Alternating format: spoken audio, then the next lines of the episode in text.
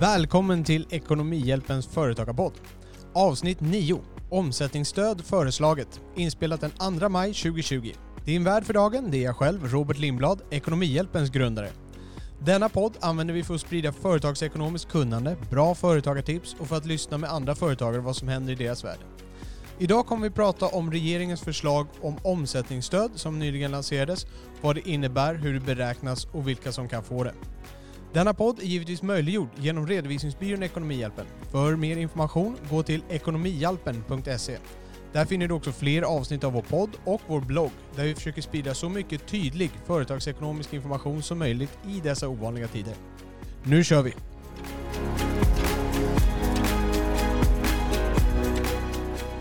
Ja, så idag ska vi prata om omsättningsstödet. Det här är alltså ett förslag som regeringen har kommit med och förslag innebär att det här inte är beslutat än. Men som vanligt så kan vi förvänta oss att det här kommer att gå igenom. Oppositionen har ju dessutom tryckt på ett förslag liknande det här så att vi kan med all säkerhet räkna med att det här går igenom precis som alla de andra förslagen som kom ut och man kunde faktiskt börja ansöka dem innan de var beslutade nästan. När det här kommer beslutas, det är oklart. Det kan vara i slutet av maj i samband med att de även fatta beslut om det utökade korttidspermitteringen där man kunde permittera bort 80% av arbetstiden som gäller från första maj nu. Men eh, det är oklart när beslutet kommer att fattas. Det här är gjort för att man vill undvika massuppsägningar och för att undvika en konkursvåg så vill man ge ut det här stödet. Och de nämner också att det här är stöd till omställning för att vi ska räkna med en lång kris. Och det är lite oklart med vad vad det här innebär. Omställning, om vi tar det, då handlar det till exempel om att restauranger behöver ställa om till att leverera mer hämtmat jämfört med att leverera mat på restaurangen. Det kan vara taxiverksamhet som övergår till att mer köra leveranser än att köra människor. Så att verksamheterna behöver ställa om till och hitta nya intäktsvägar. Så att det här ska vara liksom ett stöd medan man ställer om verksamheten och hittar ett nytt sätt att leva i den nya verkligheten. Då. Vad det här innebär i praktiken när man söker stödet, det är dock oklart. Om man inte har en plan för omställning kommer man inte få stödet då. Måste man bevisa att man har gjort en omställning? Vad är tanken där? Det, det är oklart. Och mer information om det hoppas vi kommer senare om det på något sätt finns några sådana krav. Det är dock inte bundet till branscher. När vi hade stödet till hyresomsättning till exempel, det är ju bundet till vissa branscher. Det var bara vissa branscher man kunde få det här stödet, om det var restauranger eller hotell och så vidare. Men här finns det inga sådana krav. Utan det som gäller, det är att företaget haft ett rejält omsättningstapp. Vad det betyder i rena siffror är att man ska minst ha tappat 30% av omsättningen under mars och april 2020 jämfört med mars och april 2019. Så man får ta fram sin bokföring och titta hur mycket sålde man för i mars och april 2019. Och så får man titta hur mycket man sålde för i mars och april 2020. Och om det är mer än 30% mindre 2020, då kan man få det här stödet. Är det mindre än 30%, nej, då kan man inte få det här stödet. Då är det ingen idé att söka. Man måste också ha en årsomsättning det senaste räkenskapsåret på 250 000 kronor eller mer. Det gör att små företag som är lite mer biverksamheter, lite hobbyverksamheter eller sånt som inte riktigt har kommit igång, de får inte vara med på det här heller. 250 000 kronor i omsättning på ett räkenskapsår, det är ju väldigt lite dock. Så att majoriteten av företag som har verksamhet kommer ju åka med på det här tåget då. Sen måste man ha F-skatt och det är väl en självklarhet. Det är bara att du är registrerad som företagare. Det har ju alla aktiva företag som är seriösa åtminstone. Sen kan man max få 150 miljoner kronor per företag. Men det tror jag inte kommer beröra allt för många som lyssnar på den här podden och slå i det taket. Om vi då sen går till hur mycket stöd kan man få? Ja, det beror på två saker. Det beror på hur mycket omsättning du har tappat, det som vi pratade tidigare, hur mycket har den minskat? Och det beror på dina fasta kostnader. Och fasta kostnader, det är dina 5 000 och 6 000 konton i bokföringen, det som brukar heta övriga externa kostnader om vi tänker oss det som inte är fasta kostnader, det är ju till exempel det som ligger på 4 000 kontona i bokföringen som heter material och råvaror och legoarbeten. Det är alltså det material som du använder för att bygga upp din produkt, råvarorna du använder för att laga din mat om du är en restaurang. Det är legoarbete som du kanske har när du snickar och så vidare. De räknas inte med där. Inte heller personalkostnaderna som kommer ner på 7000-kontona, de räknas inte heller med. Utan det är fasta kostnader som är din hyra, det är bilkostnaderna, det är redovisningsbyrån, revisorn. Allt sånt där som bara löper på oavsett hur bra det går för verksamheten i övrigt i princip. Så tänk att dina övriga externa kostnader är dina fasta kostnader. Så det är de två sakerna du behöver. Ditt omsättningstapp, hur mycket har du tappat i omsättning och hur mycket har du fasta kostnader under mars och april 2020. Så då tar du din resultatrapport, du tittar på övriga externa kostnader på dina 5000-6000 konton summerat och så tittar du på mars och april, hur mycket har du fått där? Det här bör din redovisningsbyrå lätt kunna hjälpa dig med att berätta. Det förutsätter ju att bokföringen är korrekt, att man har lagt det på korrekta konton. Men det får vi utgå ifrån. Har du inte det så kan du slå en signal till Ekonomihjälpen så hjälper vi dig att reda ut det där och få lite bättre kvalitet. Så hur man räknar ut det här. Jag har inte fått det 100% bekräftat att det är så här man räknar ut det, men jag är ganska säker och jag har läst andra källor som tolkar det på exakt samma sätt. Det du gör är att de, du får max 75% i stöd och det är 75% av dina fasta kostnader. Det är ditt maximala stöd. Det första du gör, du tar ditt omsättningstapp. Du räknar ut hur mycket har du tappat i procent. Sen tar du det procentbeloppet gånger 75% som är det maximala stödet. Då får du fram en ny procentsumma.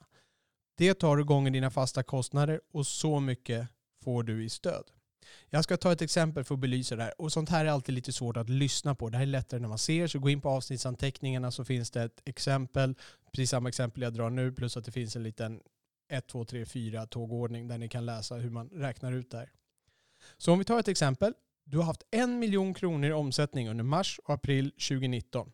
Du sålde för 500 000 i mars och 500 000 i april. Det blir en miljon kronor under mars och april 2019.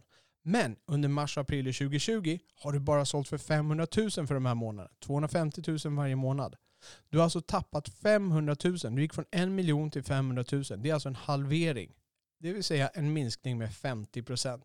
Så ditt omsättningstapp är 50 procent. Då har vi det där.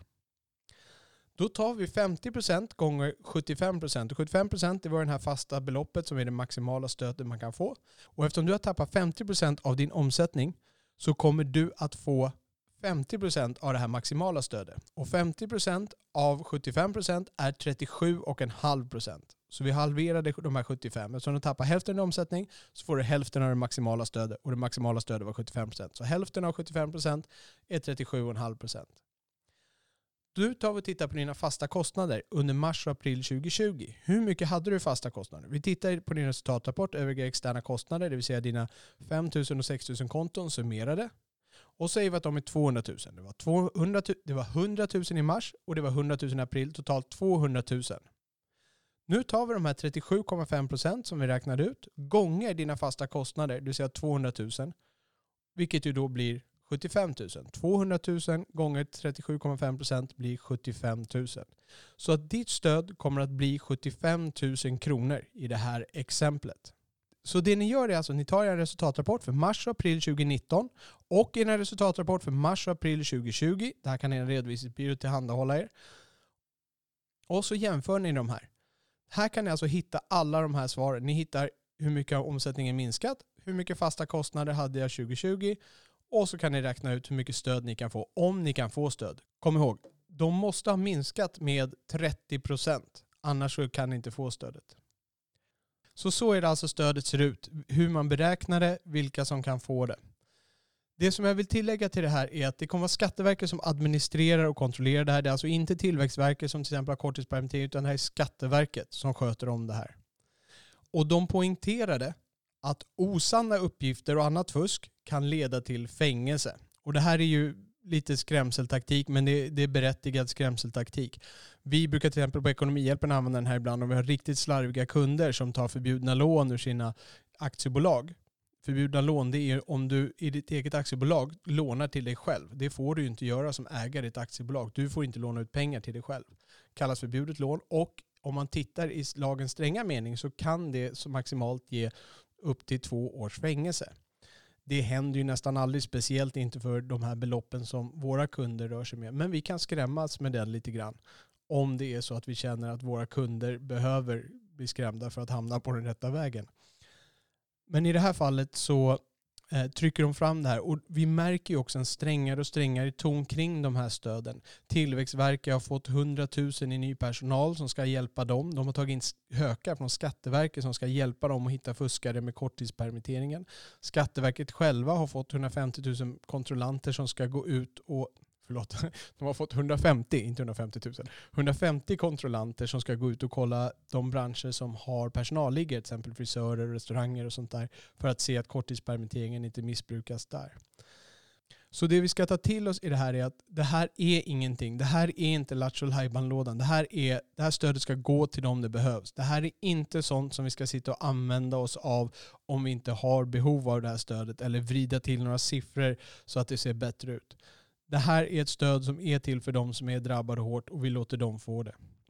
Och regeringen sa också slutligen att det kommer mer information, för det är mycket som är oklart i det här, hur det kommer fungera exakt och sånt där. Och eventuellt så behöver också EU-kommissionen godkänna stödet. Om ni kommer ihåg hyressänkningen, stödet till hyressänkning, det behövde EU-kommissionen godkänna också.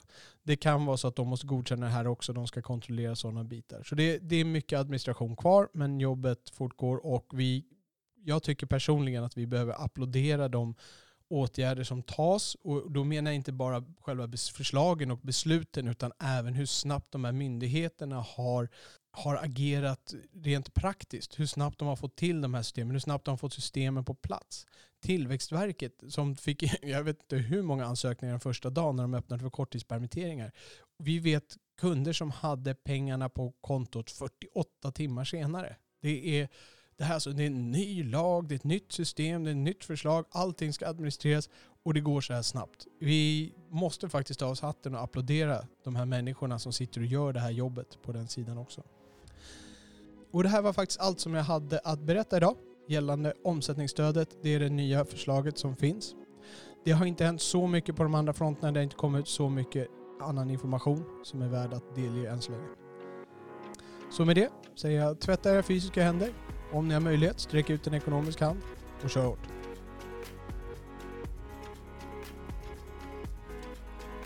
Du har lyssnat på Ekonomihjälpens företagarpodd, avsnitt 9. Omsättningsstöd föreslaget, inspelat den 2 maj 2020. Din värd för dagen har varit jag själv, Robert Lindblad. Du hittar sammanfattning och länkar i avsnittsanteckningarna på Ekonomihjälpens hemsida och i appar som visar avsnittsanteckningar. Podden är möjliggjord av redovisningsbyrån Ekonomihjälpen som ni finner på ekonomihjälpen.se. Ni kan också hitta oss på LinkedIn och på Twitter under ekonomihjälpen och Ekonomihjälpen på LinkedIn. Med det så tackar vi för oss. Företaga lugnt!